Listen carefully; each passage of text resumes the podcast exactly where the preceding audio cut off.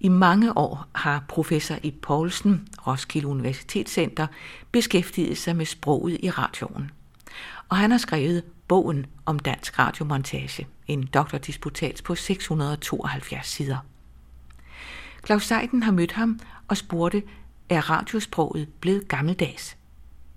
Nej, selvom mediet måske er det gammeldags efterhånden, så er radiosproget jo fuldt med tiden. Øh, og det kan man høre, hvis man hører specielt selvfølgelig de unges kanaler øh, og nogle af de øh, øh, mere kommercielle stationer. Men det er klart, at det klassiske radiosprog, hvis man kan tale om det, det findes jo stadigvæk. Gudskelov, han har sagt. Det findes jo på P1, og, og bliver der jo varetaget af mange på smukkeste vis. Er der forskel mellem sproget i radio og fjernsyn? Ja, det er der. Og det er der jo dels fordi radioen har en anden historie end fjernsynet, og dels fordi kommunikationssituationen jo er forskellig i radio og fjernsyn. Jeg synes jo for eksempel, at øh, radioen har det store fortrin, at der har man jo sådan set kun øh, sproget og stemmen, der bærer. Og det giver jo, hvad skal sige, radiosproget en særlig udformning, som øh, betyder, at man taler i lidt mere sammenhængende helheder, at man øh, bruger lidt bedre tid, mens man i fjernsynet med sine billedklip og sine idelige skift bliver hurtigt, øh, hvad skal vi sige, lidt stakåndet sprogligt. Vi sad nogle stykker sammen forleden dag og hørte Ty Petersen i radioavisen, den gamle bondkorrespondent, og sagde, var jeg dog velgørende, at der er et menneske, som taler i samlede sætninger. Er det noget, der er ved at dø ud? Ja, altså man kan sige, hvis man sammenligner med de øh, unges kanaler, altså P3 og Voice og 100 FM og så videre, de her kommercielle radioer, så vil jeg nok sige, der er de mere sammenhængende sproglige forløb, de er få og sjældne.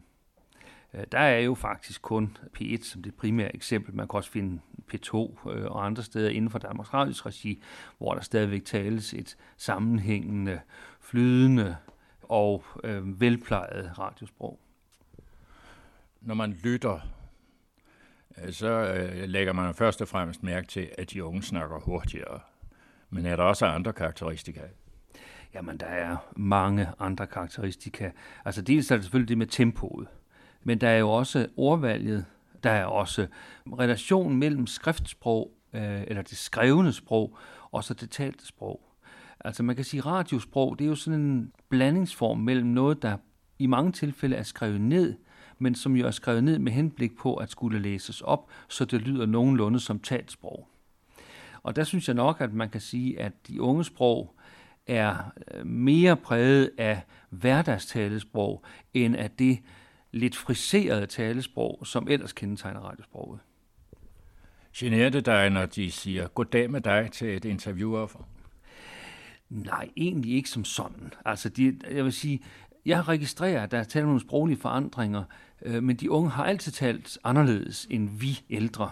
Øh, så det er sådan set naturlov. Nej, jeg synes mere, det er et spørgsmål om, de udviser situationsfornemmelse eller ej.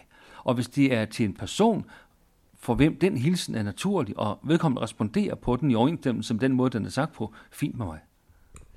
I sin tid, der tilbragte du et års tid på radioavisen som sproglærer eller sprogvejleder. Øh, og nu kan man så høre en ny programproduktionsdirektør sige, at nu må vi gøre noget med sproget. Er det noget, der dør ud, det man har lært fra sig? Jamen altså, jeg tror, at øh, jeg er jo glad for, at den nye øh, leder siger sådan, fordi øh, jeg tror, at det med det sproglige, det er noget, man sådan med jævne mellemrum skal have en impuls til. Fordi i virkeligheden, det jeg gjorde dengang, det var egentlig ikke at undervise fordi de mennesker, jeg havde med at gøre, var så dybt professionelle. Men det var mere at holde et spejl op for dem og sige, sådan gør I. Kunne I gøre det anderledes og bedre? Og det tror jeg faktisk, at mange mennesker i alle mulige professioner har brug for, at der engang man bliver holdt et spejl op for dem, så de får lov at høre sig selv, får lov til at overveje og reflektere over, om ikke de kunne gøre det på en lidt anderledes og måske lidt bedre måde. Når folk brokker sig øh, over sproget i radioen, er det så fordi, øh, Øh, de selv er dialekttalende?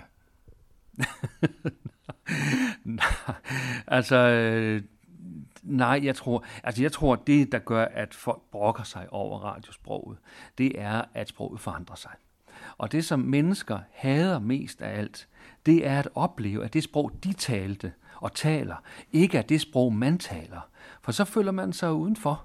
Altså, vi er jo alle sammen offer for den, hvad skal vi sige, den øh, følelse, at, øh, at sproget forandrer sig, men det gør vi ikke.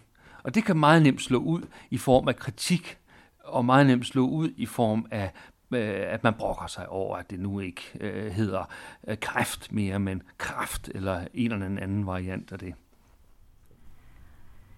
Det var professor i Poulsen, Roskilde Universitetscenter.